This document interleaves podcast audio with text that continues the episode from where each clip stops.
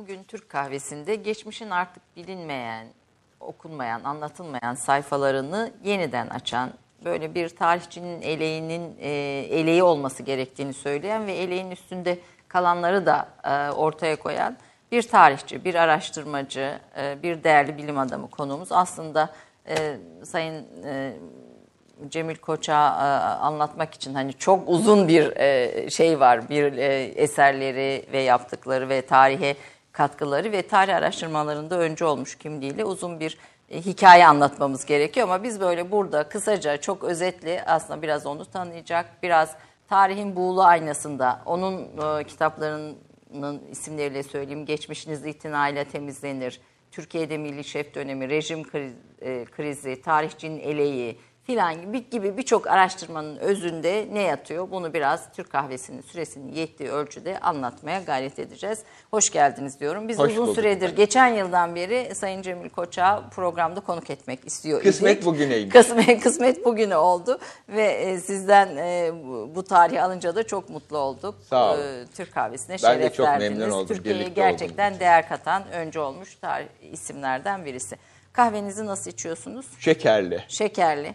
Tarihçi Türk tarihçi için bir tarih çalışmalarında bu tarihin tozlu sayfaları diyeyim bunun içindeyken kahvenin bir etkisi var mıdır Türk E, kahvesi? açıkçası ben kahveci değilim. Çaycıyım.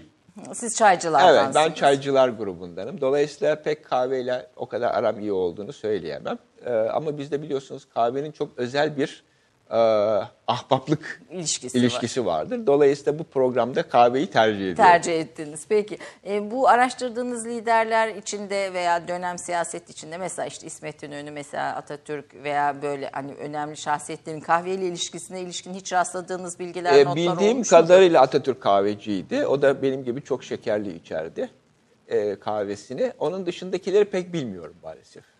Peki tamam o zaman Atatürk'ün en azından kahve içtiğinde böylece bu Evet. programın Türk Söylemiş kahvesini notu olarak söylemiş olalım. Efendim tarihçi olmaya nasıl karar verdiniz? Çünkü e, e, gazetecilik okuyorsunuz ve daha sonra tarih çalışmalarına geçiyorsunuz. Sizi bu yola yönelten sebepleri e, nelerdi? Kimler hayatınızda bu kararınızda etkili oldu? Ee, şöyle başlayalım. Ben tarihten, tarih öncesinde ya tarihten çok gençliğimde politikaya çok meraklıydım. Dolayısıyla benim için asıl gündem maddesi Türkiye'de politikayı öğrenmek ve anlamaktı. Kısaca ifade etmek gerekirse ne oluyor, neden böyle oluyor ve neden başka türlü olmuyor ya da daha doğrusu benim gönlümden geçtiği gibi olmuyor işler. Şu- anda bütün gençlerin düşünceleri Evet, de böyle. Bu aşağı yukarı yani 18 yaş altındayken Evet, böyle evet. düşünüyordum. Dolayısıyla siyaset, siyaset bilimi, sosyal bilimler benim esas e, merak ettiğim konulardı. Bu bakımdan e, liseyi bitirdikten sonra Ankara Üniversitesi Siyasal Bilgiler Fakültesi Basın Yayın Yüksekokulu'na e, giriş puanı tutturduğum için oraya girdim. Ve dedim ki gazetecilikte aslında benim yapmaya çalıştığım, anlamaya çalıştığım e, işler arasında iyi bir, benim için uygun bir meslektir. Çünkü basın hayatı Türkiye'de siyasetin çok can alıcı bir noktasında duruyor. Her zaman böyle olmuştur. Dolayısıyla ben de gazeteci olarak e, çalışabilirim. E, Dört yıl gazetecilik orada okudum. E, gazetecilik yapmak e, ümidi ve niyetiyle oradan mezun oldum. Fakat e, mezun olmadan önce bir miktar gazetelerde çalıştım. O zaman böyle imkanlar vardı. Bir 45 gün falan sürmüş Evet, ama yani çok bir kısa. miktar dediğiniz Çok kısa bir 45 süre. gün Evet, falan sürmüş. Çok kısa sürdü ve o sırada anladım ki e, gazetecilik mesleği benim yapabileceğim bir iş değil. Kişiliğime tam olarak uymuyor. O başka türlü bir e, formasyon ve yapı gerektiriyor. Ben belki gazetecilik yapabilirim ama hiçbir zaman iyi bir gazeteci olamayacağımı anladım. O zaman dedim ki aslında gazetecilik değil, ben akademik bir kariyere belki daha uygun olabilirim. Dolayısıyla Siyasal Bilgiler Fakültesi'nde yüksek lisans ve doktora programına başladım. Ve bu şekilde e, siyaset bilimi programında yine siyasetle iştigal etmeye çalıştım. E, sonra birdenbire fark ettiğim şeyler olmaya başladı. O da Türkiye'de siyasetin ne olduğunu ya da ne olmadığını anlamak için tarihin önemli bir ip ucu kaynağı olabileceğini düşünmeye başladım. Dolayısıyla tarih ve tarihçilik aslında e, siyaseti anlamak, yorumlamak ve değerlendirmek için bir önemli bilgi kaynağı olarak karşımda belirdi. Bir arka plan bilgisi, siyasetin arka plan bilgisi, bilgisi. olarak. Bu yeteri kadar tarihimizi bilemezsek eğer Türkiye'de siyasetin yapısını, rengini e, anlamamıza imkan olmadığı kanaatinde idim. Şimdi bu kadar yıl sonra bunu çok daha vurgulu bir şekilde söylüyorum. Ben de onu soracaktım. Bugün içinde aynı şeyi Aynı düşün- şeyi şeyi söylüyorum ve çok isabetli bir iş, yap, bir iş yaptığımı düşünüyorum. Bir, bir örnek verir misiniz? Mesela neyi yanlış anlarız böyle bir bilgiye sahip Tabii olmayınca? şöyle şimdi e, ardı ardına yeni nesiller geliyor ve her neslin e, gündem maddelerinin sanki farklı olduğunu düşünüyoruz. E, eğer biraz tarihe geriye doğru gitmeye kalkarsak aslında her neslin konuştuğu meselelerin ondan önceki nesil hatta ondan önceki nesillerin aynı şekilde konuşulduğunu e, söyleyebiliriz. Ben derslerde bazen sanki bugünün meseleleriymiş gibi çok ateşli ve çok heyecanlı tartışılan e, işte Konuları. akşamki televizyon Yeni programlarında çok böyle yani sanki bugünün tamamen meselesiymiş gibi konuşulan konuları e, isterseniz diyorum bu konuyu Namık Kemal'den okuyalım. Namık Kemal'den okumaya başlayınca tabii birazcık eski kelimelerle ama e, aynı mesele, aynı bakış açısıyla hiç neredeyse değiştirilmeksizin tekrarlana tekrarlana bugüne kadar geldiğini ve ilk defa sanki bu konuşuluyormuş gibi algılandığını söylemeye çalışıyorum tarihçi olarak. Dolayısıyla meseleler yeni olmadığı gibi, meselelerin tarafları yeni olmadığı gibi, meselelere bakış açıları yeni olmadığı gibi hepsinin tarihte bunun Karşılığı, kolaylıkla karşılığını buluyoruz. O zaman da şöyle düşünmeye başlıyor insan. E, o kadar heyecanlanacak bir şey yok. Çünkü bizden sonraki nesil de aşağı yukarı bunları aynı şekilde konuşmaya Konuşacak. devam edecek. Sakin olalım diyorsun. Sakin olmakta yarar var. Peki bu sürecin içinde siyaset biliminde tarih okumaya, siyasetin arka planını anlamak üzere karar verdiniz Evet. tarih çalışmaya.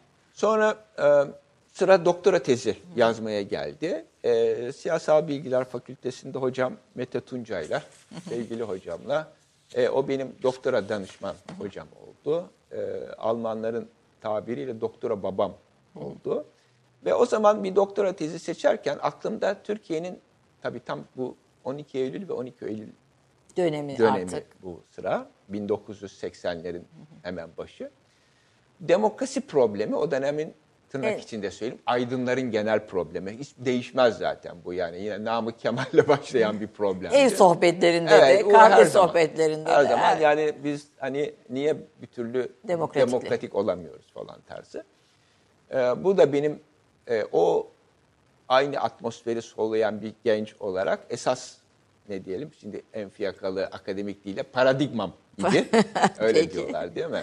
Asıl problemim oydu. Ee, bunu öğrenmek için de sanki e, Türkiye'de pek çalışılmamış bir dönem bulmaya çalıştım ve bu İsmet İnönü'nün Cumhurbaşkanlığı döneminin çalışılmadı. çalışılmadığını okumalarımdan e, keşfettim öyle diyelim. E, dedim ki bir eğer bu dönem çalışılırsa, iyi çalışılırsa, bu dönemin tarihsel birikimi e, iyi ortaya çıkarılırsa 46 sonrasında olanlar, bitenler ve Demokrat Parti'nin neden e, bir Adnan Menderes bir Demokrat Parti efsanesine dönüşebildiğini anlayabiliriz. Anlayabiliriz kelimesi benim tarihçiliğimin ana vurgularından bir tanesi. Anlamaya çalışıyorum. Aslında benim yapmaya çalıştığım şey başından itibaren e, bir şeyi övmek ya da onu yermek gibi bir çaba içinde hiçbir zaman olmadı. Kritik etmek tanımı Ama kullanıyorsunuz. kritik etmek çünkü anlamanın e, en önemli adımının bu olduğunu düşünüyorum. Bir şey anlamadan e, üzerine konuşmanın da fazla bir manası yok. Ee, Yine yazılarınıza dikkatimi çeken kritik etmenin Türkiye'de akademik çalışmalarda e, kritik eksikliğinin en önemli noksanlık olduğunu söylüyorsunuz. Yani niye bu kritik etmeyi biz bir e, akademik disiplin içinde yerleştiremiyoruz diye Ee, düşünüyorsunuz? şimdi kritik etmek iki bakımdan, e, iki alanda önemli. Birincisi bir tarihe bakışımızı, geçmişimize bakışımızı hangi konu olursa olsun eleştirel bir gözle bakmanın e, kendi bugün içinde yaşadığımız toplumu anlamak bakımından çok önemli olduğu kanısındayım. İkincisi akademik dünya açısından şöyle bir eleştiri getireyim. Ya birbirimizin yazdıklarını da ya da yazılıp çizilmiş olanları akademik bir gözlük içinde bir değerlendirme çabasından da çok uzak bir akademik hayatımız var bizim. E şimdi o kadar çok araştırma, o kadar çok yayın, o kadar evet. çok kitap çıkıyor. E, bunlar hakkında bizim akademik dünyada bence hani e, kibarca söyleyeyim yeteri kadar e, bir kritik çabası yok. Ben gençliğimde çok kitap eleştirisi yapardım. Onu da e, tarihçinin eliği kitabımda birçok okuyucular orada evet. e, değişik kitaplar, araştırmalar hakkında Burada. kendi görüşlerimi. Ben şöyle de göstereyim. Çok e, da güzel, keyifli okunacak bir kitap. böyle ederim. bir şey, çok, e, hani illa akademik bir şey olmaya gerek yok. Hayır, bir kesinlikle. çalışma değil böyle çok kesinlikle. rahat, keyifli. Şimdi e, birisi oturmuş, zaman harcamış, gayret etmiş, bir kitap yazmış. Bunun değeri nedir? E, kalıcı olan kısmı nedir? bize yeni bir bakış açısı getiriyor mu? Yeni bir bilgi getiriyor mu? Bize şimdiye kadar hiç tanımadığımız yeni bir kaynak mı öneriyor? Bunlar hakkında bir şey yazmak lazım. Genel bir suskunluk. Adeta hani yokmuş gibi hareket. Yokmuş gibi. Ee, halbuki bu çok yanlış. Ya bu hani diyorlar ya biz niye böyle batılı gibi değiliz? Yani olamazsınız. Çünkü yani çıkan her şey hakkında onun değerini ortaya koyacak bir şey söylemek lazım. Bundan kitabımda da yazdım hani niçin böyle olmuyor. Birincisi e, akademik dünyada bütün diğer meslek dallarında olduğu gibi esas terfiye bakan bir şeydir. Yani işte asistan olacaksınız, sonunda da en sonunda profesör olacaksınız falan. Bunun için de kendi meslektaşlarınızın bunu onaylaması lazım. Ee, yükselme terfiler de böyle oluyor. E şimdi birisi hakkında aleyhine bir şey yazarsanız o terfiyi bu, alamazsınız. Alamaz. Bu bir de bizim kültürümüz şöyledir. Ee, bunu bir kişisel düşmanlık olarak Algılar. algılanır. Ee, bu bana düşman olmuş. O yüzden benim kitabım ya da benim söylediğim hakkında aleyhime yazıyor. Halbuki hiç böyle bir şey yok. Yani sadece Kritik Fakat ediyor. böyle şeyler de oldu. Yani tamamen de haksız değil. Sayın. Çünkü böyle şeyler de oluyor. Gerçekten sadece kişisel bir e, meseleden dolayı da aleyhinde yazabilir. Ya da lehinde yazabilir. Şimdi dolayısıyla bizim akademik dünyamızda maalesef böyle bir gelenek, böyle bir kültürün oluşmamasının e, nedenlerinden bir tanesi bu. İkincisi insanlar genellikle o kadar cesur değiller. Tabii, Çünkü bu eksik. birisi hakkında bir şey yazarsanız hani komşunuzun camına taş atarsanız e, o da sizin camınıza taş atacaktır. E şimdi niye bu kadar camlarla uğraşalım kahvemizi içmek varken? Biraz da konforumuzu Konfor, bozuyor. Konforizm, konformist dedikleri şey, şey biraz böyle bir şey. Rahatımızı bozmayalım havası. Peki. Ee, Türkiye'de milli şef dönemini araştırmaya evet. karar verdiniz. 38-45 arası. 38-45. Şimdi İnönü'nün Cumhurbaşkanlığı devresi Atatürk ölüyor ertesi gün. İnönü Cumhurbaşkanı seçiliyor. 1950'ye kadar geliyor onun Cumhurbaşkanlığı ama ben dedim ki ben bunu 45'te keseyim. Tek partili rejim içindeki Cumhurbaşkanlığını araştırayım. Ve Siyasal Bilgiler Fakültesi'nde bir doktora tezi bunu olarak hazırladım. E, kısa kısa e, olabildiği kadar kısa süre içinde yapmaya çalıştım. Ve 1983 yılında 83 yılının yazında bu bugün okuyucuların e, iki cilt halinde e, bulabilecekleri evet, e, kitabı şöyle de göstereyim. Bir doktora tezi olarak hazırlamış oldum. Siyasal Bilgiler Fakültesi'ne bunu sundum. E, o zamanki şeye göre, usule göre e, bir jürinin toplanması gerekiyordu. E, jüri toplandı fakat jüri e, bu tezi e, bir doktora tezi olmaya layık görmedi ve reddetti. Ee, içinde şimdi jürinin reddetme gerekçeleri tabii e, farklı olabilir ama içinde daha önce resmi tarihin içinde söylenenin dışında ne vardı? Ee, bir çok şey vardı açıkçası. Yani ben de bu teze başlarken aslında dönem hakkında o kadar fazla bir şey bilmiyordum. Ben de öğrenmeye çalışarak, e, merak ederek buna başladım. Birincisi, şimdi hiç o zamana kadar, bu 1980'in daha başında yazılmış olan bir tez. 1980 e, ile 83 arasında yazılmış olan bir tez. Şimdi o günlere geri dönersek, e, gençler açısından yani birdenbire hani dinozorlardan hemen sonraki bir dönem gibi gelebilir ama e, Türkiye'de tarih siyasi tarihimizde Atatürk'ten İnönü'ye geçiş döneminin e, perde arkası neredeyse hiç bilinmiyordu ve yazılmamıştı. Bu peyderpey anılarda kalmış. Gazete sayfalarının da sararmış, solmuş bir hikayeydi. Hiç bilinmiyordu. Bir kere Atatürk ile İnönü arasındaki ilişkinin tam olarak niteliğinin ne olduğunu e, bugün de rahatlıkla söyleyebilirim. Bugün artık çok harcı alem hale gelmiş, belgesellere geçmiş falan bir şey ama ilişkinin niteliği ve asıl çatışma konularının ne olduğunu ilk defa tahmin Burada. ediyorum ben yazdım. Bir bütün halinde yazdım. E, bunun hani işte Cumhurbaşkanı Atatürk ile Başbakan arasında hiçbir problem yoktu. Müthiş bir ikiliydiler.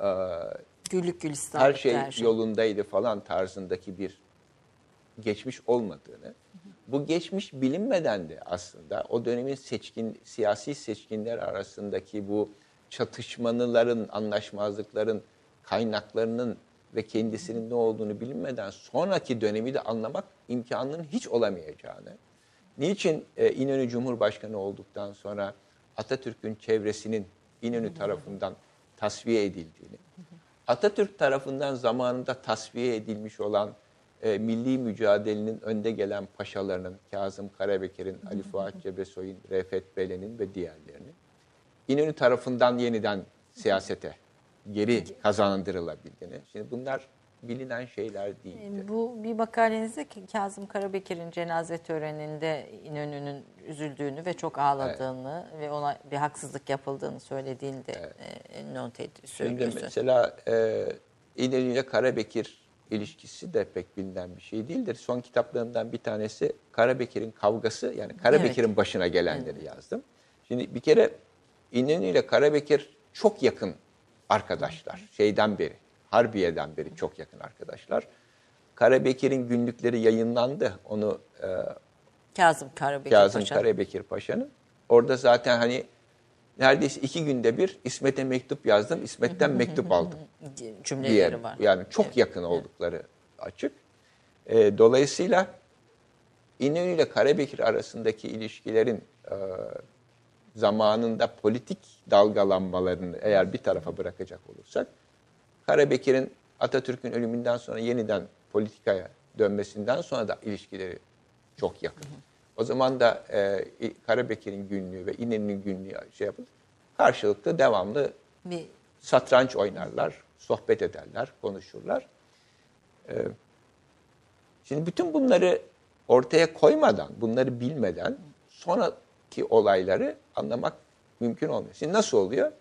E, Nutuk'ta bu söz konusu paşalar için Atatürk çok ağır ithamlarda bulunuyor. Herkesin bildiği gibi. E, bu arkadaşlar diyor bir kere Cumhuriyet ilan edildi. Cumhuriyet karşıtı bir tutum aldılar.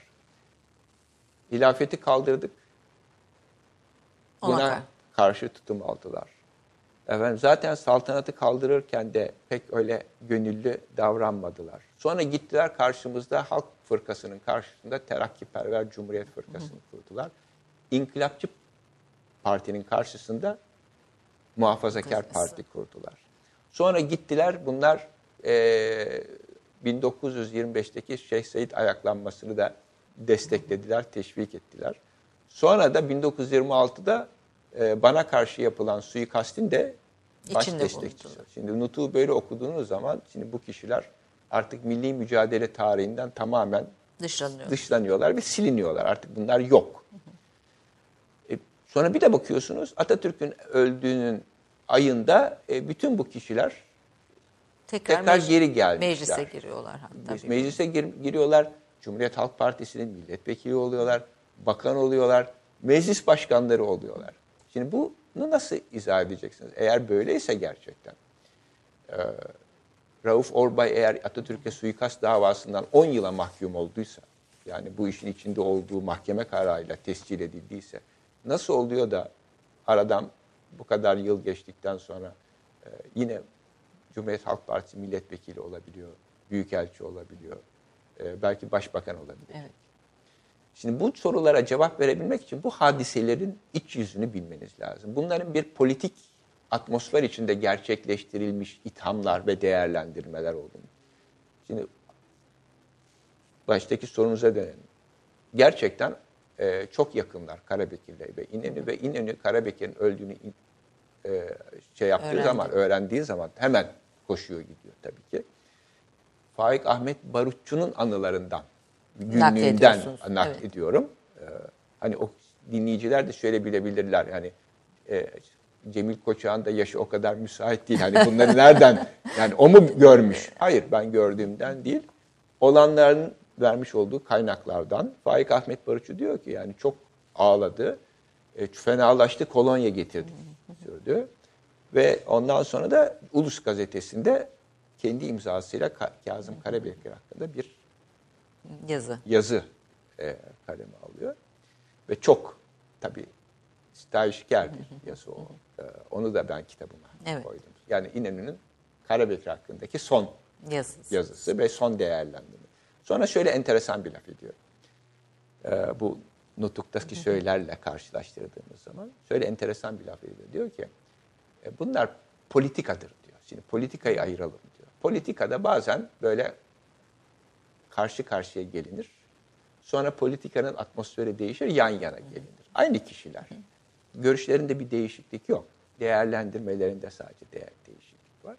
Ve diyor ki Karabekir Paşa tertemiz yaşadı ve tertemiz öldü. O yüzden çok e, üzülüyorum. Sonra diyor ki bana da aynı şey Evet. olmuştur diyor. Yani Karabekir'in de yönelik ithamlar, e, onun gözden düşürülmesi, siyasi bakımdan e, aşağılanması aslında benim de başıma geldi diyor. Ben işte Milli Şef kitabımda onu yazdım. 1937'de Başbakanlıktan ayrıldığı zaman İsmet İnönü, onun da başına gelen aynı şey. Karabekir'in başına gelen. O da e, tamamen dışlanıyor. Neredeyse unutulmaya terk ediliyor. Artık İsmet Paşa ile görüşmek hani Bir rejimin- suç haline geliyor. yani gidip de İsmet Paşa ile görüşürseniz bu bayağı bir medeni ve siyasi cesaret meselesi. Yani gözden düşmüş, kendi deyimiyle menkubiyet yaşayan bir Menkubiyet evet bir, iki sözlüğümüze bir kelime, olarak olarak olarak, geçti. işli geçsin. Evet, gözden düşmüş. Rejim açısından tırnak içinde riskli artık. Ee, bir kişiye pek öyle tıpkı bir zamanlar Karabekir Paşa'nın ve diğerlerinin yaşadığı, Yaşadığı gibi.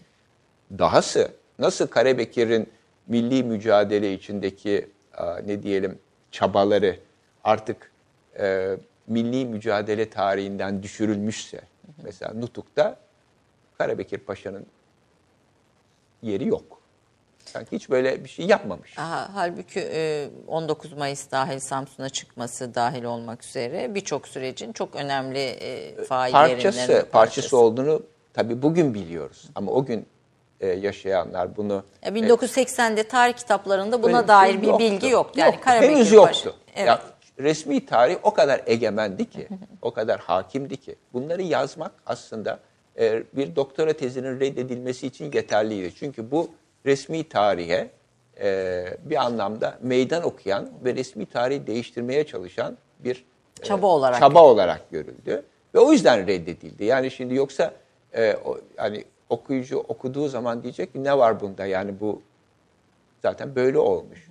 Bu Kazım Karabekir bahsinde e, siz şöyle bir not da düşüyorsunuz. E, Nutuk e, İsmet İnönü'nün e, Cumhurbaşkanlığı döneminde tekrar basılmamıştır. Evet şimdi Ve- enteresan olan noktalar bunlar şimdi. Hani bazen diyorlar ya işte İnönü'nün devrinde Cumhurbaşkanı olunca Atatürk'ün resmini paradan puldan çıkardı kendi resmini bastı falan. Ee, şimdi bunların da bir mantığı var. Yani bu hani ne diyelim şöyle bir mantığı var. Şimdi Atatürk devrinde gözden düşmüş olan eski arkadaşlar, eski yoldaşlar, silah arkadaşları yeniden göreve davet edilirken e, İsmet Paşa buna karşılık bir kural ortaya koyuyor. Diyor ki hiç kimse eski defterleri karıştırmasın. Çünkü eski defterleri karıştırmanın şu andan itibaren kimseye bir faydası yok. Bunları tekrar konuşmanın da bir faydası yok. Bunları ortaya döküp de bir hesaplaşmaya girmek yerine dosyaları kapatalım ve onlar orada tozlansın artık. Bunları hiç konuşmayalım. Aslında İsmet İnönü'nün yaptığı dosyaları kapatmaktı. Kapatmak. Evet. Ya o dosyaların olduğunu biliyor çünkü. Ve Karabekir de aslında e, diğerlerin arasında bu dosyaları açmak için en heveskar Li olan. olan kişi. Hakikaten bu dosyalar açılmıyor. Yani bir iki tane küçük girişim var ama onu İsmet Paşa e, önlüyor. Sönmüyor. Onlar sönüyor. Aslında yani. biraz resmi tarihin bu itinayla temizlenmesi sizin evet. tabirinizle geçmişiniz itinayla evet. temizlenir diyorsunuz. İtinayla temizlenmesinde İsmet Paşa'nın etkisi büyük. Gayet tabii. O da o da yani o da o resmi tarihi yeniden üretiyor ama o arkadaşlar tekrar geri döndüğü için şimdi öyle garip bir durum oluyor ki yani çocuğa okulda nutuğu okutuyorsunuz. Kazım Karabekir'e ver yansın ediyor. E, yani bütün sonra etrafına bakınıyor bütün bu o ver yansın edilenler yani gerici olanlar, hilafetçi olanlar, saltanatçı olanlar, cumhuriyet düşmanı olanlar e, meclis başkanı ve bakan olarak ortalıkta dolaşıyorlar. Şimdi bu çelişkiyi nasıl izah edeceksiniz? Onun için eskiyi hiç bir daha hatırlamamak lazım. Onun için İsmet Paşa'nın Cumhurbaşkanlığı döneminde 1950 yılına kadar nutuk bir daha hiç basılmıyor. İlk ne zaman basılıyor sonra? Şimdi e, dinleyicilere biraz paradoksal gelecek ama Demokrat Parti iktidarında. Nutuk. Çünkü nutuk tekrar Demokrat Parti iktidarında basılmaya başlanıyor. Şimdi diyecekler ki ya nasıl olur yani Cumhuriyet Halk Partisi gibi inkılapçı bir parti Atatürk'ün nutkunu tekrar basmıyor da tırnak içinde gerici parti olan Demokrat çünkü Demokrat Parti'nin de yine şaşırtıcı olan kısmı şu. Aslında esas iddiası şu. Atatürk'ün ölümünden sonra Cumhuriyet Halk Partisi Atatürk'ün yolundan ayrılmıştır. Yani sapmıştır. aslında e, çok da fazla itirazı yok eskiye. Hayır. Tam tersine en Atatürkçü kimdir diye soracak olursanız 1946'da demokratlar diyorlar ki hakiki Atatürkçü biziz. Zaten Celal Bayar da Atatürk'ün İnönü'den sonraki başbakanıydı. Başbakan, yani evet. sonuç olarak e, İnönü başbakandı ama Celal Bayar da başbakandı. Şimdi yine o sorunuza dönecek olursanız hani bu kitapta yeni evet. ne vardı diye. Şimdi İnönü şeyden ayrıldıktan sonra başbakanlıktan ayrılıp da artık kıyıda köşede kaldığı zaman ve tabii kimse o zaman Atatürk'ün öleceğini ve yeni bir cumhurbaşkanı seçilmek zorunda kalacağını bilmiyor. İnönü belki Atatürk uzun yaşasa İnönü hiçbir zaman bir daha siyaset, siyaset sahnesine dönemeyecek. Evet. Aslında demek yani siyasetin tesadüfleri, e, zamanın Kes. ortaya çıkarttığı dönemler, kesitlerin etkileri filan siyasette Bravo. ayrı Bu da şey. bir hani ne diyelim hayatın bir cilvesi. Cilvesi evet. evet. Şimdi İnönü oradan ayrılmış. E, günlüğünde şöyle yazıyor. Lozan günü diyorlar o zaman. Lozan Anlaşması'nın yıl dönümü günü. Tabii yıllardan beri bütün gazeteler Lozan Anlaşması'nın yıl dönümünde çerçeveli, efendim bunun ne kadar önemli bir şey olduğunu yazarken İsmet Paşa'nın da bu işin göbeğinde olduğunu yazarken bir de bakıyoruz Başbakanlıktan ayrıldıktan sonra gazetelere meğersem bu Lozan'da İsmet Paşa hiç yokmuş. Siliniyor. Siliniyor. Artık İsmet Paşa'nın orada olduğunu bile söylemeye ihtiyaç kalmıyor. Tabii o da sinirleniyor. Şimdi düşünsenize yani bu kadar yıl e, koşturmuşsunuz milli mücadeleden başlayarak. Batı Harp Cephesi Komutanlığı şu bu falan ve Başbakanlık ve devamlı Kurulsun. size her gün bunu yazmışlar zaten. Yani bu hani bu bir günde böyle ortadan silinecek bir şey değil. Hepimiz bunun içinde yaşadık biliyoruz ve bir günde bir bakıyorsunuz gazeteye Yok. yoksunuz. Tıpkı Karabekir'in başına geldiği gibi. Onun için e, İsmet Paşa diyor ki politikada benim de başıma geldi diyor. O, o 1937'yi anlatıyor. 37'yi anlatarak. Sonra Şimdi 37'de başbakanlıktan ayrıldıktan sonra İsmet Paşa bir daha cumhurbaşkanı olmasın. Çünkü Atatürk de hastalanmış. Hastalığı da herkes tarafından biliniyor. Bunlar hani Türkiye'de o zaman bilinen şeyler değildi. Zannediyorlar ki e, bu hastalık son dakikada ortaya çıkmış. Öyle değil, biliniyor. Öleceği de biliniyor. Şimdi e, bir, o, bir kısa ara verelim mi? Ki. Peki tabii efendim bu burada bir e, kısa ara verelim. Aslında bu, hem de bugünü dinlermiş gibi dinliyoruz evet. aynı zamanda. Cemil Profesör Doktor Cemil Koçaklı Türk Kahvesi'nde bir 2-3 dakika sonra tekrar birlikte olacağız efendim. Bir dakika reklam arası. Romandan şiire, tarihten düşünceye, klasik metinlerden özel edisyon çalışmalarına kadar geniş bir yelpaze ve yüksek bir frekanstan yayın yapmayı hedefleyen Ketebe, şimdiden Türk kültür hayatında kalıcı ve önemli bir yer edindi. Edebiyatımızın seçkin eserlerine, genç kalemlere, tarihimizin engin zenginliğine, dünya edebiyatının hem güncel hem de klasik metinlerine, düşünce dünyamızın, maneviyat tarihimizin köşe taşlarına ve gün yüzüne çıkmamış değerlerine ev sahipliği yapmak Ketebe'nin yayın politikalarının omurgasını oluşturuyor.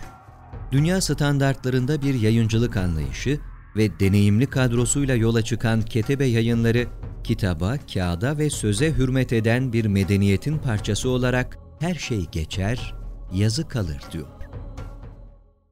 Reklam arası sona erdi.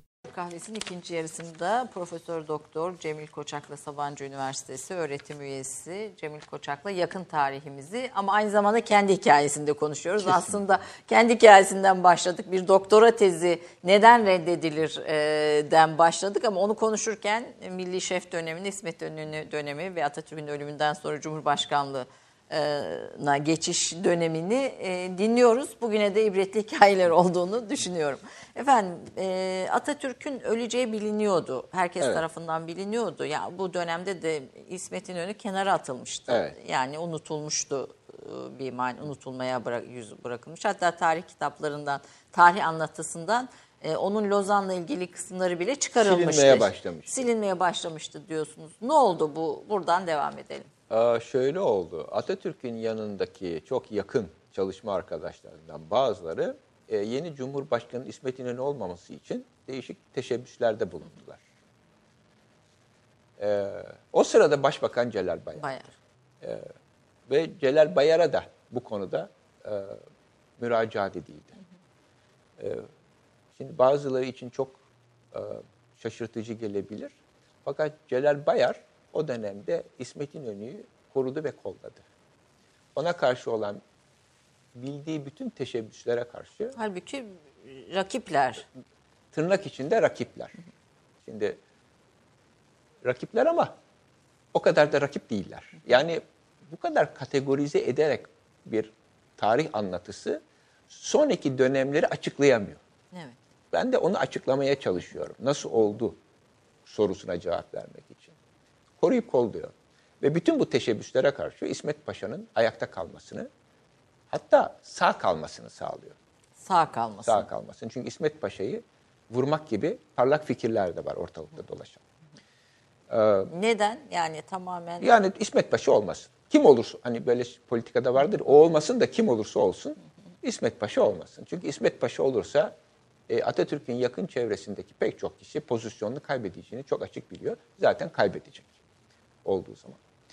Celal Bayar'a soracak olursanız eğer bu tip e, ne diyelim bu tip e, mücadeleler Türkiye'ye çok büyük zarar verecek olan mücadele. Onun için o İsmet Aslında- Paşa'yı destekliyor. devletin devamlılığını koruyor Kesinlikle çünkü sonuç olarak geldikleri formasyon çok açık yani Celal Bayar'ın da iddiaçı geçmiş. Yani bu herkesin e, bir zaman gençliklerindeki havuzda, ortak, ortak havuz. havuz. Yani bunlar değişik formasyonda insanlar değiller. Benzer eğitimden geçmiş, benzer formasyona sahip, benzer dünya görüşlerine sahip insanlar. Efendim bir tanesi devletçiymiş, öbürü o kadar da devletçi değilmiş. Bunlar işin ayrıntı düzeyinde olan meseleler. Ve İsmet Paşa tekrar Cumhurbaşkanı seçildiği zaman Celal Bayar Başbakanlıktan istifasını verdiği zaman ona diyor ki tekrar hükümeti kurun. Ee, ve günlüğüne şöyle yazıyor. Celal Bayar için. Ee, eğer diyor Celal Bey başbakanlıktayken e, bana karşı olan bu teşebbüsleri arkalasaydı memleket çok büyük fena, fenalıklar görürdü. Ee, dürüst bir insandır. Başbakanlıktan ayrılmasını istediği zaman da şöyle diyor yine günlüğünde. Eğer mali politikasına itimadım olsaydı onu başbakanlıkta tutardım. Problem mali, mali meseleler. Yani ne yapılması gerektiği konusunda farklı fikirlere sahipler. Baştan itibaren farklı fikirlere sahipler. Şimdi bu hikayeyi bilmezseniz eğer, diyelim ki zannediyorsunuz ki yani İnönü ile Bayar farklı dünyaların insanları, farklı kutuplarda yaşıyorlar. Hayatları birbirleriyle mücadele etmekle geçmiş. e, Birbirleriyle hiç anlaşamazlar. Bir araya gelemezler falan diye düşünürseniz eğer 1946'da e, bir parti kurulması meselesi gündeme geldiği zaman e, ilk İsmet Paşa'nın ilk müracaat ettiği isim o 1926 yılında İz- İzmir'deki İstiklal Mahkemesi tarafından 10 yıla mahkum edilmiş. Sonra İsmet Paşa'nın Cumhurbaşkanlığında tekrar Halk İade Partisi itibariyle. milletvekili olmuş olan Rauf Orbay'dır. İlk akla gelen Rauf Orbay. Çünkü Yani bu küçük bir siyasi seçkin grup Herkes içinde. birbirini tanıyor ve sonuçta Kime şey- itimat ederiz? Tabii ki. Rauf Orbay'a itimat ederiz. Rauf Bey'e soruyorlar. Acaba Rauf Bey kardeşim bir zamanlar hani serbest fırkanın kurulmasında nasıl Fethi Bey'e, Fethi Okyar'a. Atatürk'ün yakın arkadaşı, okul arkadaşına teklif edildiği gibi. Rauf Bey diyor ki bu defa beni bu işlere karıştırmayın. Çünkü serbest fırka bir travma. travma. O herkesin aklında. Onun üzerine İsmet Paşa Celal Bayar'a gidiyor. Şimdi o zaman bu kadar hani düşmanca bir e, Durum mesele varsa niye Celal Bayar'a gitsin ki? Çok daha başka bir insana gider. Çünkü Celal Bayar'a güveniyor. Niye güveniyor?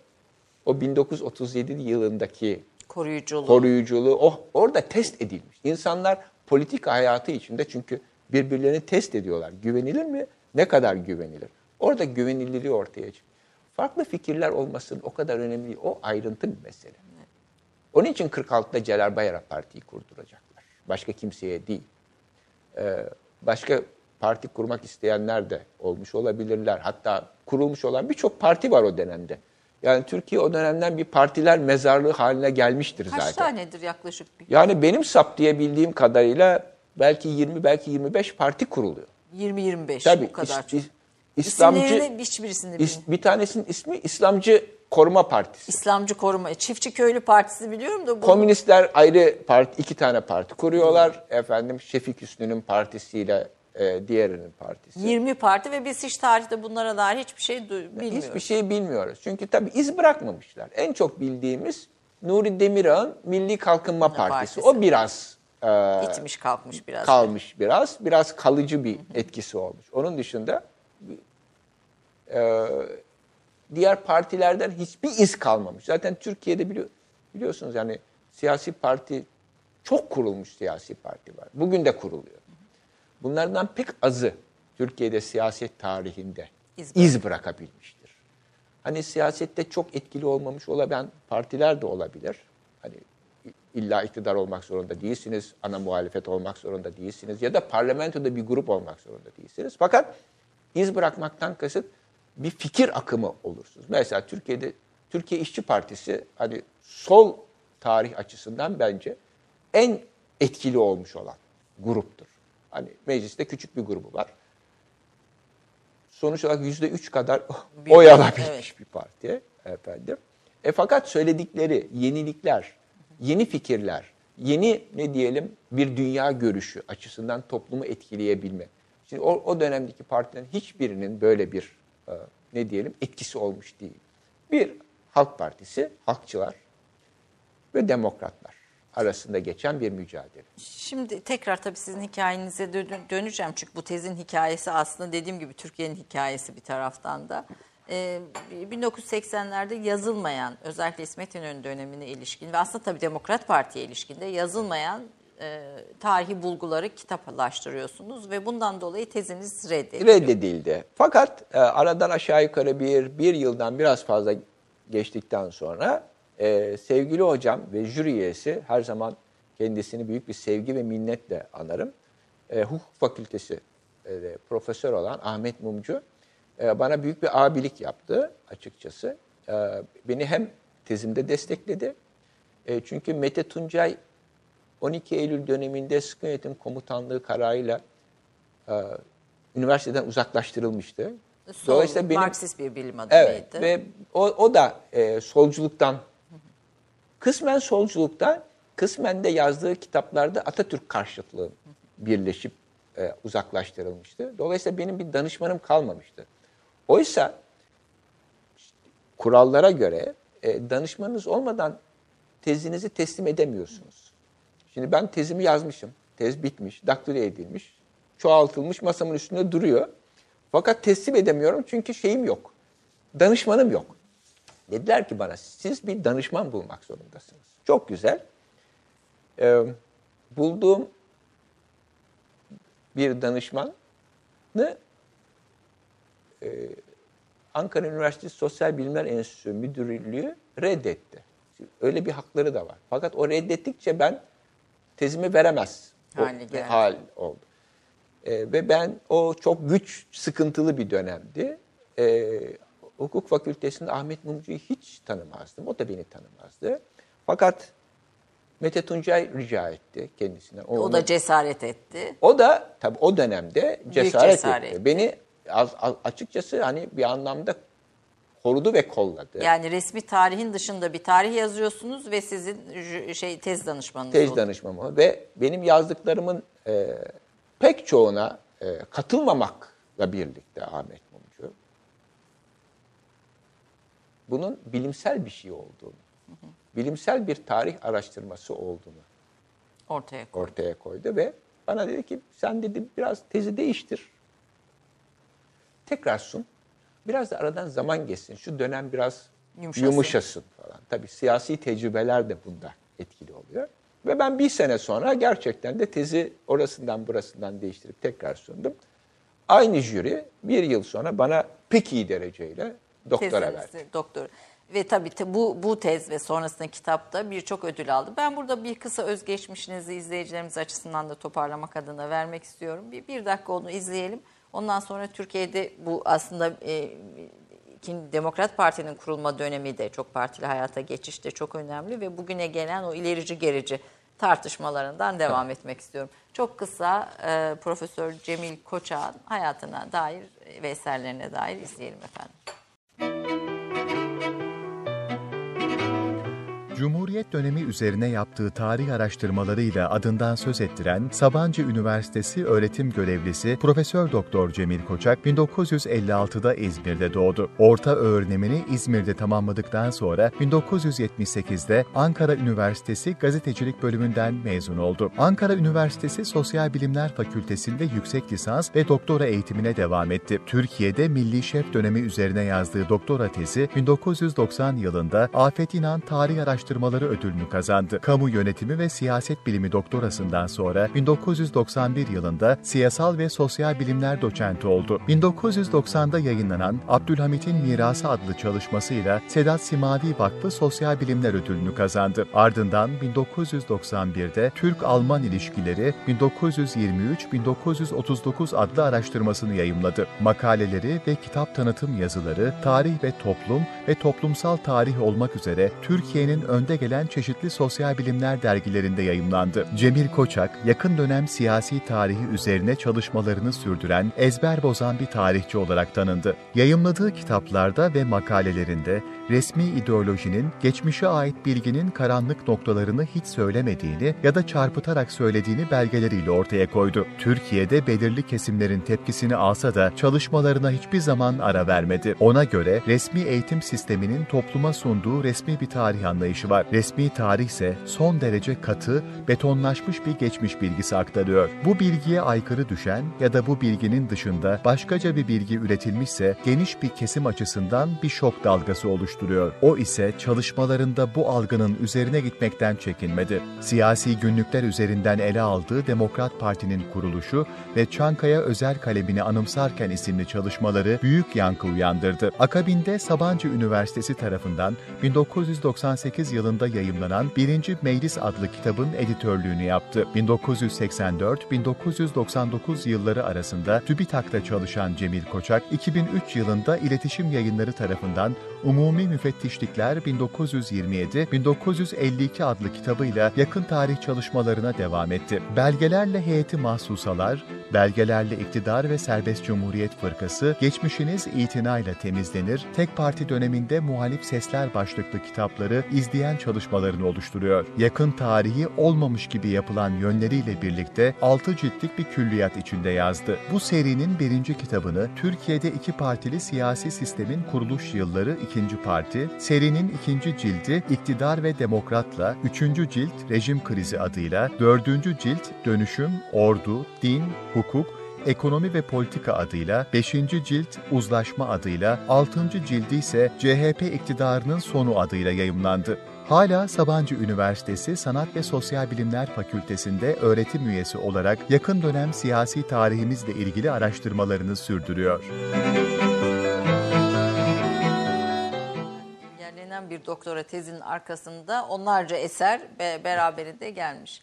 Ee, bu Milli Şef döneminde özellikle İsmet İnönü ortaya koyduğunuz gerçekler resmi tarih anlatısına uygun düşmüyordu. Sonra bu çalışmalarınızı tek par- e, Demokrat Parti e, çok partili hayatla birlikte devam ettiriyorsunuz. Oradaki bulgularınız nelerdi? Yani bizim bildiğimiz bizim hani bu üstü e, örtülü olarak geçen birçok konuda e, derinlere indiğinizde neler ortaya koydunuz? Ee, Şimdi ben tabii bu milli şef e, dönemini hazırlarken aklımdaki esas düşünce başta da söylediğim gibi Türkiye'nin demokratikleşme probleminin nerelerden kaynaklandığı idi. Bu da tabii 46 sonrasında ait olan temel meselelerinden bir tanesiydi. Dolayısıyla 46 sonrasını anlamak için bu milli şef döneminde ne olup bittiğini yakalamaya çalıştım. Sonra sıra Demokrat Parti'ye geldiği zaman Demokrat Parti e, 1950'den 1960'a ve 27 Mayıs'tan sonraki e, dönem hatırlanacak olursa halkçılar demokratlar karşıtlığının ne anlama geldiğini anlamaya çalıştım. Bu 6 biraz Oldu. önceki e, izlediğimiz 6 cilt 45-50 dönemini anlatan bir hikaye. Şimdi bunu bunu anlamak çok önemli çünkü Demokrat Parti iktidarının ne yaptığını ya da ne yapmadığını anlamak açısından bu 45-50 döneminde neler olduğunun farkında olmak lazım. O 5 yıl önemli Beş bir yıl yaşam. bence çok önemli. Bu, bu arada CHP'nin e, sanırım bir 46-47 kongresi galiba Evet. burada önemli Evet. değişim. Mesela işte Diyanet, dini bir takım e, de- e, kurumların kurulması filan yani önemli değişikliklerin olduğu da bir dönem. İdris Küçükömer'in de üzerinde çalıştığı galiba bildiğim kadarıyla. Şimdi. Demokrat Parti de e, Leyla Halk Partisi arasında da e, bugünden baktığımız zaman e, benim esas tezim şu ki arada o kadar önemli farklar yok. Ne çim duvarları var ne dağlar kadar farklar var. Sonuç olarak Demokrat Parti'nin kurucuları ve yönetim kademesinde görev alanların pek çoğu da aynı formasyondan, aynı siyasi gelenekten birçoğu da Cumhuriyet Halk Partisi'nin zaten içinden gelen insanlar. Yani Kemalizm ideolojisinin aslında taşıyan ve devam ettiren isimler. Evet ve sanıldığının aksine bunu hep yaptılar. Yani alt- 60 ihtilaline kadar da aynı şekilde olmaya devam ettiler. Zaten biraz önce söyledim. Demokrat Parti'nin esas iddiası gerçek Atatürkçü partinin Demokrat Parti olduğudur. Halk Partisi ise İnönü'nün başkanlığında artık o yörüngeden ayrılmış olan parti Parti. olarak. Evet. İşte bunun propagandası da e, paradan puldan Atatürk'ü kaldırdılar. Nutuğu basmadılar. Anladılar, Evet. E, Anıtkabir inşaatını geciktirdiler. Çünkü Demokrat Parti döneminde yapılıyor. Hepsi bunlar Anıtkabir. Demokrat Parti. E, Demokrat Parti bunu yaparak şunu diyor. Asıl işte Kemalist biziz. Kemalist biziz. E, şimdi burada bir Türkiye'de Atatürk'ün ölümünden sonra aslında İsmet Paşa'nın Cumhurbaşkanlığında Atatürk çok ismen anılan bir kişi olmaktan çıkıyor. E, siyasetin meşruluğunu ortaya çıkaran bir isim olmaktan çıkıyor. E, büyük bir kahraman olarak anılan bir kişi olarak kalıyor. Şimdi demokratların ise çok daha başka e, nitelikleri var. Onların söylediğine bakacak olursak eğer, Atatürk döneminde e, tek partili rejimle İnönü dönemindeki tek parti rejimi birbirinden ayırmak lazım. Şimdi düşünün, şimdi Celal Bayar da Adnan Menderes de ve diğerleri de e, Cumhuriyet Halk Partisi iktidarında çok önemli yerlerde olan insanlar. Şimdi günümüzde de böyle tartışmalar vardır. Evet. Şimdi siz aynı siyasi hareketin içinden geliyorsunuz. Uzun yıllar birlikte aynı kadro içinde siyaset yapmışsınız, iş yapmışsınız. Kararların altında ortak imzalarınız var. Şimdi bir gün geliyor aradan geçmiş 15 yıl. Bir ihtilaf çıkıyor ayrılıyorsunuz. Diyorsunuz ki biz Halk Partisi'nden artık ayrılıyoruz. Çünkü Halk Partisi e, bizim düşündüğümüz parti olmaktan çıkmıştır diyorsunuz. Ve bir başka parti kur, kuruyorsunuz. Ve geçmişi eleştirmeye başlıyorsunuz. İster istemez çünkü muhalifsiniz. Ee, o zaman da size tabii şunu soruyorlar. İçinde değil E, miydi? pardon ama yani daha düne kadar hep birlikte yapıyorduk. Yani şimdi birdenbire masanın öbür tarafına geçtiniz ve sanki siz hiç bu işlerin içinde yokmuşsunuz gibi bizi eleştirmeye başlıyor. Şimdi efendim neyi eleştireceksiniz? İsmet Paşa zamanındaki işleri eleştireceksiniz. Peki Atatürk hayır Atatürk zamanındaki işleri eleştir çünkü onlar Atatürk zamanında asıl kadrolarını tutmuş, pozisyonlarını tutmuş. Şimdi Celal Bayar Başbakanlık, Ekonomi Bakanı Celal Bayar, Başbakan yine Celal Bayar. Atatürk döneminde. E peki yani şimdi Celal Bayar e, neyi eleştirebilir bu bir muhalif parti başkanı olarak sadece kendisi başbakanlıktan ayrıldıktan sonraki Dönem. İsmet İnönü döneminin cumhurbaşkanlığını eleştiriyor. Öyle yapmaya çalışıyorlar ve bu açıkçası muhafazakar kesim içinde de yaygın bir ideolojik politik mevzi haline Necip geliyor. Necip Fazıl'ın İsmet İnönü'ye karşı da bir şiiri vardır. Sadece onu hedef hedef. aldık. Böyle Peki bir Atatürk şey dönemi den ne farkı var yani İsmet Paşa'nın devriyle Atatürk devri arasındaki tek parti rejiminin aslında ben bu Milli Şef kitabında aslında esas ne diyelim esas vurgularımdan bir tanesi bu iki devir arasında bir fark aslında hiç görmüyorum. İsimler değişiyor sadece. Atatürk ebedi şef oluyor. İsmet Paşa da milli şef oluyor. Bu şeflik nedir? Yani bugünden baktığımızda şeflik meselesi e, bir kanunla da düzenleniyor bildiğim kadarıyla. Hayır bir kanun yok. Bu bir ne diyelim sıfat ve tanım. Ee, bir süre sonra e, tek parti rejimi kurulduktan bir süre sonra şefler deyimi ortaya çıkıyor. Yani şefler yani Cumhurbaşkanı, Başbakan, Halk Partisi'nin genel sekreteri falan bu önemli mevkilerdeki kişiler için şefler demeye başlıyorlar. Bir süre sonra bunun adı şeflik rejimi Haline ne dönüşüyor? Şimdi şeflik rejimi nedir? Çünkü bir 1924 anayasası var. Yani evet. memleket anayasaya göre yönetilir. O zaman da 24 anayasasına göre yönetiliyor. Şimdi birçok kişinin ne garip gelecek e, bir durum var. Atatürk Cumhuriyet'in ilan edildiği gün Cumhurbaşkanı seçiliyor ama Cumhurbaşkanının yetkilerinin ne olacağı bugün olduğu gibi yazılmış bir şey değil. Bir yetkisi yok. Cumhurbaşkanı devlet başkanı sadece.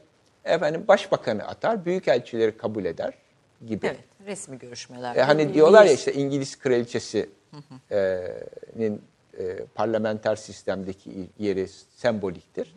Cumhurbaşkanı da neredeyse o kadar yetkili ya da yetkisiz bir insan halinde. Ama Şimdi nasıl oluyor Atatürk bu kadar yetkisizken Atatürk olabilir? Bugün olduğu gibi Cumhurbaşkanı aynı zamanda partinin genel başkanı. Cumhuriyet Halk Partisi'nin genel, genel başkanı. Şimdi Cumhuriyet Halk Partisi'nin genel başkanı olarak yetki kullanıyor. Cumhurbaşkanı olarak değil. Nasıl yetki kullanıyor? E, Cumhuriyet Halk Partisi'nin tek parti rejiminde tayin edeceği milletvekillerini Cumhurbaşkanı, Başbakan birlikte tayin ediyorlar. Meclis toplanıyor. Onların tayin ettikleri milletvekillerinin seçilmesi zaten garanti. Çünkü başka bir alternatif, alternatif yok. Onlar mecliste toplanıyorlar. Onlar da Cumhurbaşkanını seçiyorlar. Cumhurbaşkanı tekrar başbakanı atıyor. Şimdi bu anayasal sistemin tamamen dışında ne diyelim tırnak içinde fiili bir durum. Ve bu fiili durum şeflik rejimi olarak adlandırılıyor. Atatürk rejiminde de böyle, İnönü döneminde, döneminde de, de böyle. böyle. Her iki tek parti rejiminde de bu sistemde hiçbir değişiklik olmuyor. Çok partiye geçince? Şimdi çok partiye geçince problem şöyle çıkıyor. O zaman da demokratlar diyorlar ki, bugün de söylenildiği gibi, parti başkanlığıyla cumhurbaşkanlığını ayırın. Çünkü bunlar birleştiği zaman iktidar acayip yoğun ve güçlü bir hale geliyor. Bunları parçalayın. Cumhurbaşkanı bugün olduğu gibi tarafsız olsun. Parti başkanı olsun. Şimdi Halk Partisi bunu çok tartışıyor o dönem. Ayıralım mı, ayırmayalım mı? Fakat hiçbir zaman ayırmaya yanaşmıyorlar. Eğer o zaman bir anayasa değişikliği yapılsa, 24 anayasası o zaman değiştirilse. Çünkü o zaman Halk Partisi içinde bu tür komisyonlar kuruluyor. Nihat Erim'in günlükleri incelenecek olursa... Çok değerli bir şey çalışma çok, Nihat Erim'in yani günlükleri. Bir de tek e, suikasta uğrayan başbakan evet, olarak. Evet, rahmetli. Orada çok, Nihat Erim çok İsmet Paşa'ya, e, Faik Ahmet Barutçu'nun anılarında da var bu. 29-24 anayasasının e, bir partiler rejimini kaldırabilecek bir anayasa olamayacağını, bunun çok ileride sıkıntı yaratacağını, sonuç olarak mecliste hakim olan partinin hiçbir denetim me e, izin vermeyeceğim. İzin vermeyeceğin çünkü denetim yapacak bir şey yok. Yani efendim efendim parlamentoda bir muhalefet partisi var. Dünyanın her yerinde var. Hani bir İngiliz çok ünlü bir İngiliz politikacı bir zamanlar şöyle demiş. Bunu her zaman çok sık hatırlatıyorum. Parlamentoda demiş çok güzel konuşmalar dinledim. Ee, hatta o konuşmayı dinlemeden önceki görüşümü değiştiren konuşmalar da dinledim. Ama oyumu hiç değiştirmedim. Yani Belli bir yani evet. işte hepimiz toplanıyoruz. Herkes bir şey Evet. söylüyor. Sonra hepimiz el kaldırıyoruz ve geçiyor. Çünkü Geç. bir parti disiplini denen bir şey var vesaire vesaire. Dolayısıyla çoğunluğu sağlayan parti istediği her türlü kararı meclisten geçiyor. Ve 24 Anayasası'nda zaten meclis üstünlüğü sistemi olduğu için meclisi denetleyebilecek hiçbir imkan yok. Şimdi Nihat Erim diyor ki bunları değiştirelim. Ee, bugünkü e, tartışmalardan bir tanesi de işte yine kuvvetler ayrılığı, Evet, kuvvetler birliği mi? Biz bu kuvvetler birliğinden vazgeçelim ve kuvvetler ayrılığına doğru gidelim. Çünkü daha demokratik oldu. Tabii yani çünkü yani gücü bir yerden alalım ki Dağıtalım. ileride sıkıntı çıkmasın. Fakat tabii Halk Partisi iktidarda kalacağını düşündüğü için, öngördüğü için e, kendisine niye böyle bir şey yapsın ki? Zaten iktidar. E, her iktidar olabildiği kadar kendinde güç tutmaya çalışır. Bu da doğaldır. Bunu yapmıyorlar ve 50 sonrası Demokrat Parti iktidarı da aynı sistem içinde iktidara gelmiş oluyor. Halk Partisi'nin ne kadar iktidar gücü varsa birdenbire o aynı güç Demokrat Parti'nin üstüne geçiyor. geçince e, muhalefet birdenbire bu, bu kadar güçlü bir iktidar karşısında e, nasıl denetleyeceği de belli değil. Yani parlamentoda ellerimiz kalkıyor. Hep onlarınki kazanıyor. Kazanıyor. Biz ne söylersek söylerim. Bu tabii ki hiç önemli değil. Yani bugünkü İngiliz parlamentosunda olduğu gibi. Peki bir reklam arası, son reklam arasına gidelim. Aslında sizin e, hayatınızı konuşurken gerçekten derin meselelere daldık ama sohbeti biraz ihmal ettik galiba. Kesinlikle ona dönelim. Bu bölümde Peki. sohbete dönelim. Peki. Efendim çok kısa bir reklam arasından sonra Cemil Koçak'la sohbete devam edeceğiz. Bir dakika reklam arası. Romandan şiire, tarihten düşünceye, klasik metinlerden özel edisyon çalışmalarına kadar geniş bir yelpaze ve yüksek bir frekanstan yayın yapmayı hedefleyen Ketebe, şimdiden Türk kültür hayatında kalıcı ve önemli bir yer edindi. Edebiyatımızın seçkin eserlerine, genç kalemlere, tarihimizin engin zenginliğine, dünya edebiyatının hem güncel hem de klasik metinlerine, düşünce dünyamızın, maneviyat tarihimizin köşe taşlarına ve gün yüzüne çıkmamış değerlerine ev sahipliği yapmak, Ketebe'nin yayın politikalarının omurgasını oluşturuyor. Dünya standartlarında bir yayıncılık anlayışı ve deneyimli kadrosuyla yola çıkan Ketebe Yayınları, kitaba, kağıda ve söze hürmet eden bir medeniyetin parçası olarak her şey geçer, yazı kalır diyor. Reklam arası sona erdi. Efendim Türk Kahvesi'nin son bölümü Profesör Doktor Cemil Koçak konuğum. Bugün böyle bir ışıkla ilgili sorunum var benim Geçmiş gözümde olsun. kusura bakmayın böyle bir hassasiyeti fazla o Geçmiş yüzden olsun. izleyicilerimden de özür dilerim. Eğer böyle biraz sert bakıyorsam hani bu sert bakışım ışıkla ilgilidir, ışık e, ayarıyla ilgilidir.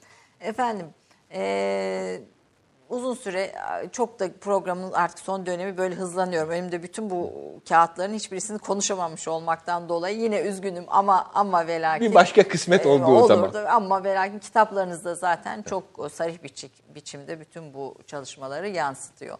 E, bu tezden dolayı e, akademide uzun süre dışarıda kaldınız. Dışarıda kaldım, evet. Tabiri caizse stadyumun dışında koştunuz ama Kesinlikle. hiçbir zaman ayrılmadınız. Yani o maça illa gireceğim dediniz. Evet, şey, evet, E, öyle TÜBİTAK'ta oldu. çalıştınız Evet. ve TÜBİTAK'taki çalışmalarınız da çok önemli. Çünkü e, Türkiye'de ilk defa işte bilim dergisi, bilim çocuklara yönelik bilim yayınları ve önemli eserlerde sizin imzanız var. Evet ben 1984 yılının e, sonbaharında TÜBİTAK'a e, katıldım. E, TÜBİTAK Türkiye'nin gerçekten her zaman e, üst düzey bir kamu kuruluşu olmuştur. O zaman da öyleydi, bugün de öyle. E, tabii bütün kamu kuruluşları gibi siyasetten fazlasıyla etkilenen bir tırnak içinde iş yeri TÜBİTAK. Ben girdim Turgut Özal'ın başbakanlık olduğu dönemde. Fakat TÜBİTAK'ın şöyle özel bir konumu vardır her zaman. E, özel bir yapısı vardır. Kendi kendi kendini yöneten bir, Bir yapı. yapısı vardır. Şimdi ben oraya yayıncı olarak girdim. E, TÜBİTAK'ın çıkarmak istediği bir propaganda dergisi vardı. Adı da TÜBİTAK Bülteni koyduk. TÜBİTAK'ın çalışmalarını kamuoyuna sunalım ve tabii kamuoyundan destek alalım ki o da hükümetten daha çok imkan bulsun. Sonra bir süre sonra 1990'lı yıllarda e, bu hükümetlerin gelgit zamanlarında e, benim TÜBİTAK'taki pozisyonum da yer değiştirdi. e, böyle daha e, ne diyelim benim siyasi görüşlerime uymayan hükümetlerin Döneminde kadrolarında. alt memur oldun. Evet, daha alt düzeylerde çalıştım. Ee, sonra e, Yayınlar dairesi başına. o- onaya ge- geçmeden önce hani nasıl nasıl oluyor bu Türkiye'de pozisyon almak? Şöyle oluyor. Ee, Sosyal Demokrat Halkçı Parti ile e, Süleyman Demirel'in partisi biliyorsunuz bir koalisyon, Koalisyon yaptılar, yaptılar. o zaman. E, ben de SHP'ye yakın kadrolarla tanışıklığım olduğu için ve özel olarak da Erdal İnönü ile de e, Allah rahmet eylesin tanışık olduğum için ve de e, o zaman Erdal İnönü'nün e, Orta Doğu Teknik Üniversitesi'nden meslektaşı Tosun Terzioğlu da TÜBİTAK Başkanı olduğu için dediler ki orada Cemil Koçak çalışıyor. Onu da yayınlar daire başkanı yapalım. O şekilde e, Türkiye'de yani kamu kuruluşunda şey olmak, pozisyon almak siyasette çok yakından ilgilidir. Bugün de öyledir. Her zaman öyle olmuştur. Tamam. e, nasıl yapalım dediler. Biz dediler yani bir hani atılım yapmak istiyoruz TÜBİTAK'ta. Bir şeyler yapalım. O zaman şöyle, o zaman e, TÜBİTAK'ın uzun yıllardan beri pek çok neslin yani yakından hala bende istediğim- duruyor o, o kitaplar. bilim, bilim ve teknik dergisi Evet. vardır. O fenci öğrenciler ona çok meraklıdırlar. Biz onu biraz radikal bir şekilde dönüştürdük ve Türkiye'nin o dönemdeki dergicilik piyasasında yer alabilmesini sağlayacak bir içerik ve görselliğe kavuşturmaya yani çalıştık. çocuklar için tabii o dönem o, o, gençler alıyordum. için. Sonra e, çocuklar için hiçbir şey yoktu. Bilim Çocuk dergisi. Dergi, evet. E, Daha küçük yaşlardan beri hani bilimle daha yakın ilgilensinler. Sonra bence asıl e, yaptığımız şey e, Türkiye'de o zamana kadar neredeyse hiç olmamış olan bir şey. Popüler bilim kitapları dizisi yaptık. Ki onlar da çok ilgi gördü. İnanılmazdı. Ben hızlandırarak bir iki soru e, sormak istiyorum. İleri gerici ayrımı. Türkiye'de bugün de devam ediyor. Yani bugün de bir toplantıya gittiğinizde işte dincisiniz, gericisiniz veya işte ilericisiniz. Bunun e, kökeni nedir? Yani ileri e, bir bu. Bir ikincisi Cumhuriyet siz diyorsunuz ki tezlerde Cumhuriyet Halk Partisi solcu bir parti değildir. Sağcı bir partidir. Kemalizm sol bir ideoloji değildir ve olamaz yapısı itibariyle e, sola hatta yakın da olamaz. Evet. Şimdi Türkiye bugün geldiğimiz Cumhuriyet'in 100. yılına yaklaşırken geldiğimiz noktada Cumhuriyet Halk Partisi sol ideolojiyi temsil eden bir parti olarak konumlanıyor. Onlar ilerici. Geride kalanlar da sağcı ve gerici. Şimdi bu ne kadar e, resmi doğru ortaya koyuyor?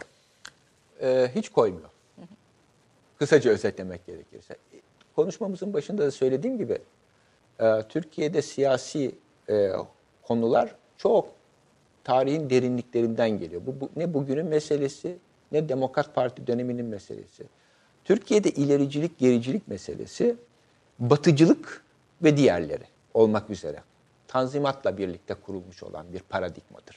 Esas itibariyle dünyalar Tanzimat dönemiyle birlikte Kurulmuş. değişti. 200 yıllık bir geçmişi Evet, var bunu- bugünkü bu- bütün evet, bu tanımların. bu hiç değişmez. Şimdi ilericilik nedir bu anlamda?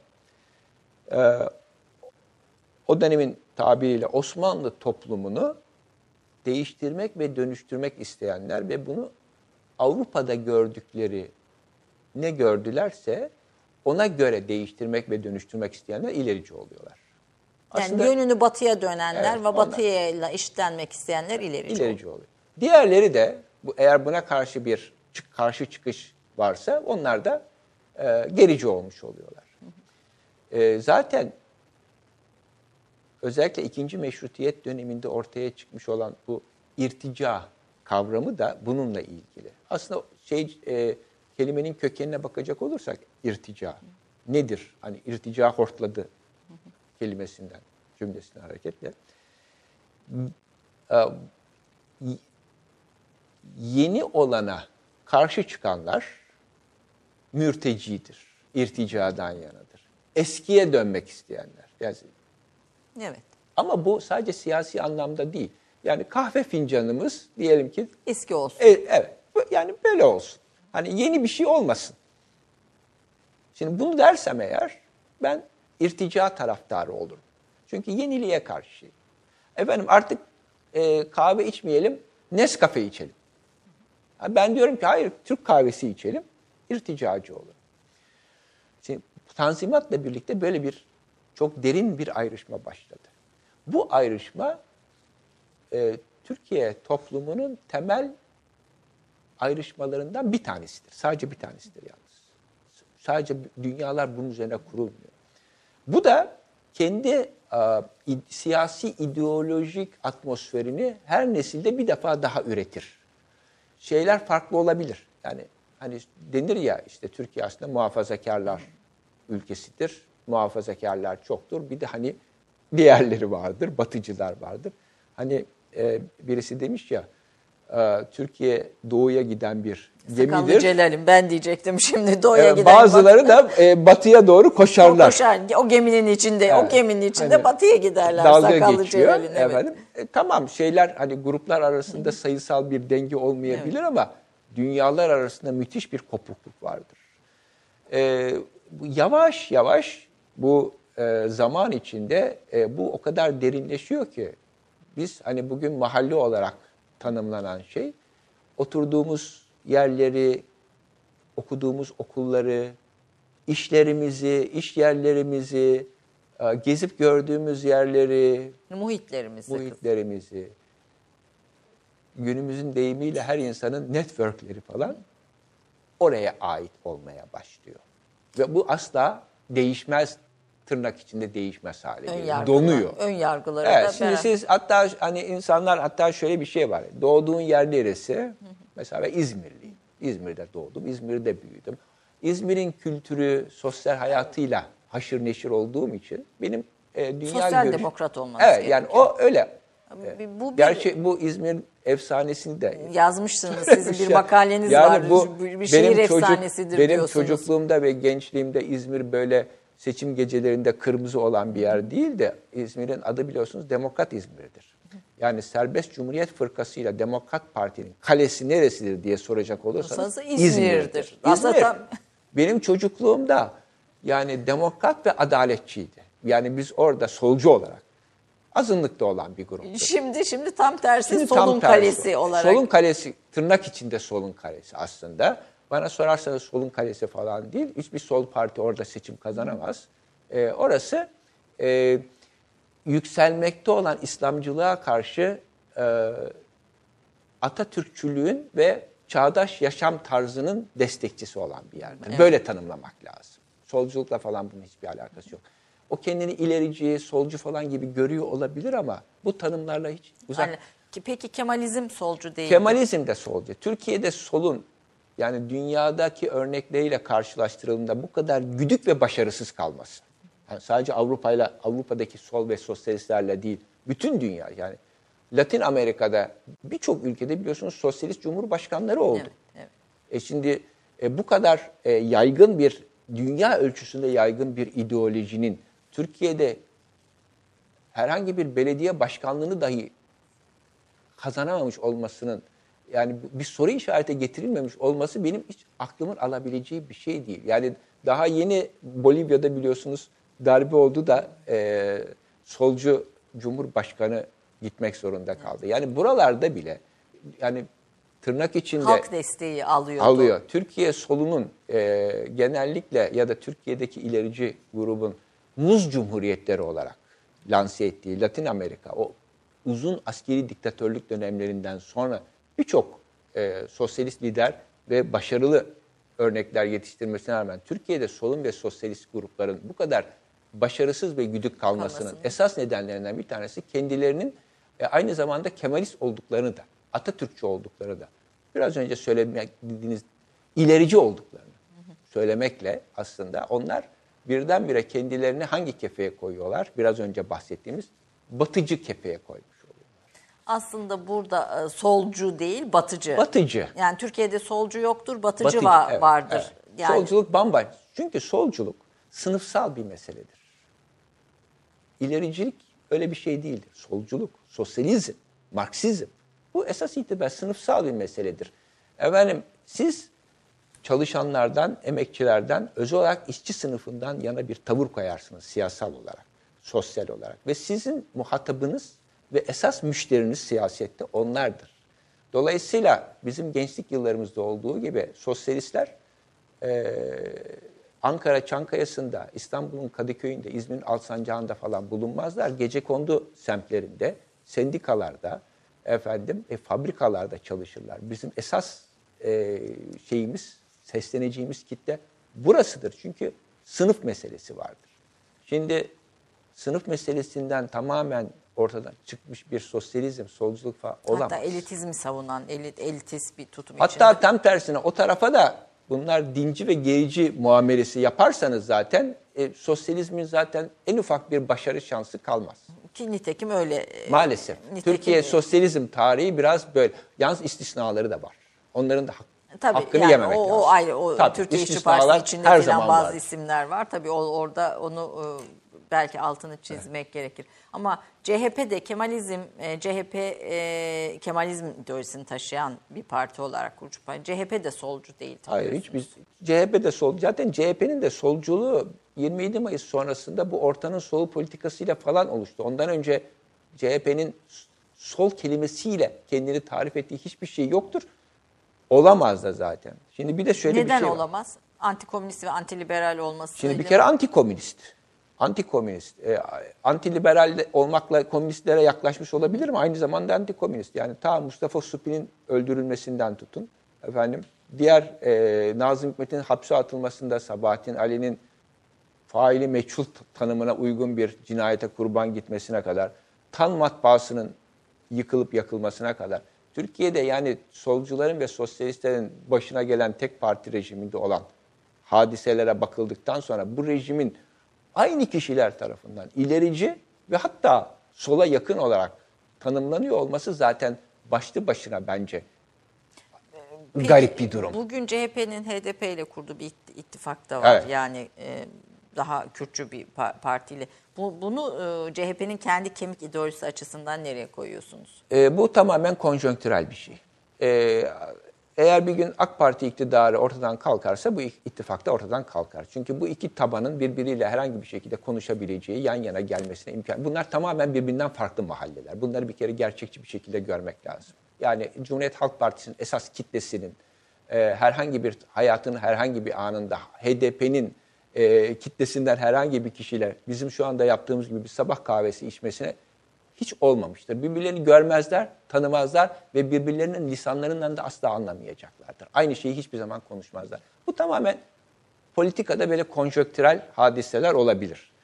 Olmayacak gruplar bir araya gelebilir. Fakat bu sadece karşı tarafın ayakta kalıp kalmayacağıyla ilgili bir meseledir. Karşı- Bir dahaki seçimde eğer e, AK Parti iktidarı iktidardan düşerse, başka bir iktidar olursa o zaman bu böyle bir ittifaka gerek kalmaz ve anında dağılır. Peki CHP'nin tekrar ik- iktidar olma şansı görüyor musunuz? Her zaman olabilir. Çünkü bu yani hele bugünkü sistemde yani Cumhurbaşkanlığı sisteminin böyle 50 puanlık bir meseleye geldiği ve tamamen bu 50 puan üzerinden ittifaklar kurulmaya başlandı. Eğer böyle bir sistem olmasaydı eski bizim eski parlamenter sistemle her parti kendi oyuyla oynayacaksa bu oyunu böyle bir ittifak zaten hiçbir zaman olmazdı. Bu tamamen 50 puanla ilgili bir şey. E şimdi seçim sonuçlarına bakıyoruz. E, kazanan kim olursa olsun 2 puan farkla kazanmış oluyor zaten. E, e, sadece 2 puan. Dolayısıyla öbür taraftan 2 puanı alıp da Bu tarafa bu tarafa aldığınız zaman seçimin sonucu tamamen değişmiş olacak. Peki yeni kurulan veya kurulma ihtimali olan e, partiler için e, bir şeyiniz, öngörünüz veya bir yaklaşım. Yani Türk siyasetinde bir kırılma, bir değişim öngörüyor musunuz? Hayır. Ee, ben e, bir dahaki seferki seçime kadar herhangi bir ciddi kırılma e, şu anda öngörmüyorum. Ama bir dahaki seçim e, Türkiye'nin siyasetinde esas kırılma noktası olacağından eminim. Kim kazanırsa kazansın. Neden? Onu, Şöyle, e, bu Türkiye siyasetinin gelmiş olduğu noktada ve dünyanın genel gidişatı açısından e, baktığımız zaman e, çok kırılgan e, bir noktada olduğumuzu söylemeye ihtiyacındayım. Bu kırılgan olan noktada seçimlerdeki bu iki puanlık farkla ilgili bir şey. Fakat kim kazanırsa kazansın. Öyle diyelim. Sonuç olarak bir taraf e, 51 ya da 52'yi tutuyor ama siz kazanmakla aslında bu kadar geniş bir karşıtlık içinde 48'i unutamazsınız. Yani hiç kimse e, karşı tarafın 48 olduğunu da unutmadan davranmak zorunda. Böyle ol, böyle olduğu içindeki bu geniş karşıtlık içinde iktidara gelenlerin ya da yeni gelecek olanların da bana soracak olursanız aslında bu çatışma ikliminden e, sıyrılmalarına ve etkilenmemelerine imkan, İmkan yok. yok. Onun için bu çatışma sanıldığı gibi e, mevcut iktidarın ortadan kalkmasıyla bitecek olan bir çatışma değil. İlk cümleye geri dönelim. Bu tanzimattan beri var olan bir çatışma daha uzun zamanda devam edecek. Ee, bu e, programın sonuna geldim aslında artık ama tabii ben bu bu önümdeki sayfaları bitirmek için bir beş program falan herhalde yapmam gerekiyordu. Tarihte bunca e, çalışmanın içinde kahramanlarınız var mı veya hainleriniz? Yani şu haindir benim için şu kahramandır dediğiniz. Ee, bana soracak olursanız eğer bir tarihçi için e, geçmişte karşılaştığı e, kişilikler ne kahramandır ne haindir. Onlar da e, değişik fikirler öne sürmüş olan, karşıtlıklar içinde hayatları geçmiş olan ve toplumun genel kültür kültürel hayatına da ister istemez etkide bulunmuş olan insanlardır. Dolayısıyla ben hiçbir zaman bir kişiyi böyle süpermen kategorisinde anlatmadım. Ee, her ele aldığımız tarihsel kişiliğin övülmeye değer yönleri vardır hiç kuşkusuz. Ama gelecek nesillere miras bıraktığı ve ortadan kolay kolay silinemeyecek meseleleri de ortaya çıkardığı yönleri vardır. Bu ikisini dengeli bir şekilde anlatmak lazım. Tarihçi, ben şahsen bir tarihçi olarak siyasi kişiliklere elimden geldiği kadar haksızlık etmemeye gayret Çaba ediyorum. sarf edin. Çünkü onlar ellerini kaldırıp da televizyon programında bir dakika Cemil Bey böyle diyorsunuz ama böyle değildir deme şansları artık yok. Evet. Yani yazılar, notlar en fazla itiraz. Onlar yaşamışlar, ölmüşler, bırakmışlar, yapmışlar. Şimdi dolayısıyla onlara karşı da bir haksızlık yapmamak. Ama yine de böyle kalbinizde daha yer etmiş bir şahsiyet var mıdır? Hayır, olmaması da gerekir. Olmaması da gerekir. Zaten dediğim gibi ben e, anlamaya çalışıyorum. Anlamaya çalıştığım için de herkesin hakkını vermeye çalışıyorum. Yoksa e, birisini övmek için ya da birisini yermek için, bir dönemi övmek için ya da aksini yapmak için bir kitap hiçbir Ama zaman ben hazırlamadım. biraz İsmet İnönü'yle bir kalbi bağ kurmuşsunuz diye düşündüm E, okurken. kahramanınızla kahramanınızı anlamaya Çalışırız, çalışıyorsunuz. gel. Niye, niye şimdi niye böyle yapıyor? Fakat bir tarihçi açısından çok kritik bir nokta var. Şimdi anlamaya çalışırsınız. Fakat hak vermek zorunda değilsiniz. Şimdi mesela burada varlık vergisini anlatıyorum. Varlık vergisi kanunu bana soracak olursanız çok haksız bir kanun. Fakat en azından şunu anlatmaya çalışıyorum. Neden insanlar böyle yapıyorlar? Neden varlık vergisi çıkmak zorunda kalıyor? Ve varlık vergisi neden böyle uygulanıyor? Hani dedim ya neden öyle olmuyor da böyle, Böyle oluyor? oluyor. Şimdi bunu yakalayabilmek için Türkiye'de işte bu iddiatçılık zamanındaki milli ekonomi anlayışı, milli olmak. Milli olunca da o zaman için bu gayrimüslimler sizin için milli olmaz hale geliyor. Gayrimüslimler milli olmayınca da onlara karşı tavır geliştiriyorsunuz. Bunu anlam- Fakat bunun içinde doğup büyümeye başlıyorsunuz zaten. O içinde düğün. Tabii millici olmak, milliyetçilikten ayrı bir şey midir? Ba- kesinlikle o bambaşka bir şey. Şimdi o onlar onları da birbirleriyle karıştırmamak lazım. Millici. Tabii onlar birbirinin içine tabii girerler. Girip ama çıkarlar aynı zamanda. Nerede Ya- çıkar? Ee, yani şimdi ekonomide milli o- olalım kısmı eğer yani etrafınıza baktığınız zaman herkes yabancı falansa dersiniz ki bir dakika ya biz yani biz niye yokuz bu alanda? Haklı bir tepki göstermeye başlarsınız. Bu sizi milli ekonomiye götürür. Fakat bu nereye götürür aynı zamanda? Diğerlerini de öteki ve düşmanlaştırmaya Evet, götürür. yani- O zaman da milliyetçilik patlamaya başlar. Yalnız bu milliyetçilikler de maalesef tek taraflı patlamaz. Karşılıklı patlar. Bir tarafın milliyetçiliği patlıyorsa öbür tarafında milliyetçiliği. Yani Türk e, Cumhuriyet tarihinin çok önemli başlıkları var. Tarım refo- reformu mesela işte De- Demokrat Parti'nin çıkmasının sebepleri arasında gösteriyorsunuz. İskan Kanunu yine aynı aslında bugün bütün bu bir takım çatışmaların ortaya çıkmasının sebepleri içinde ve aslında İskan Kanu- Kanunu'nu bilmek bugün bence Kürt meselesini konuşmanın da e, bir şey Araçlarından bir tanesi. araçlarından bir Tabii. tanesi. E, varlık vergisi, 6-7 Eylül olayları, hani bütün bunlara ilişkin belgelerin de çok net ortaya çıkmış olmaması gibi bir takım handikaplarla birlikte Bu söylediğiniz çok doğru. gerçekten de e, yaptığımız araştırmanın da bizim açımızdan, tarihçiler açısından hani alabildiğimiz bilgi kaynakları da sonuç olarak sınırlı. Evet. Öyle her şeyi hani tarihçiler de her şeyi bilir. Onlara gidelim söyleyelim.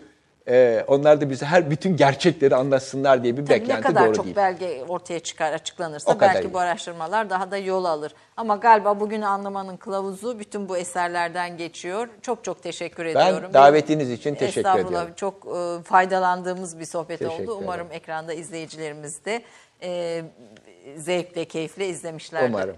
Efendim haftaya görüşmek üzere. Hoşçakalın diyorum.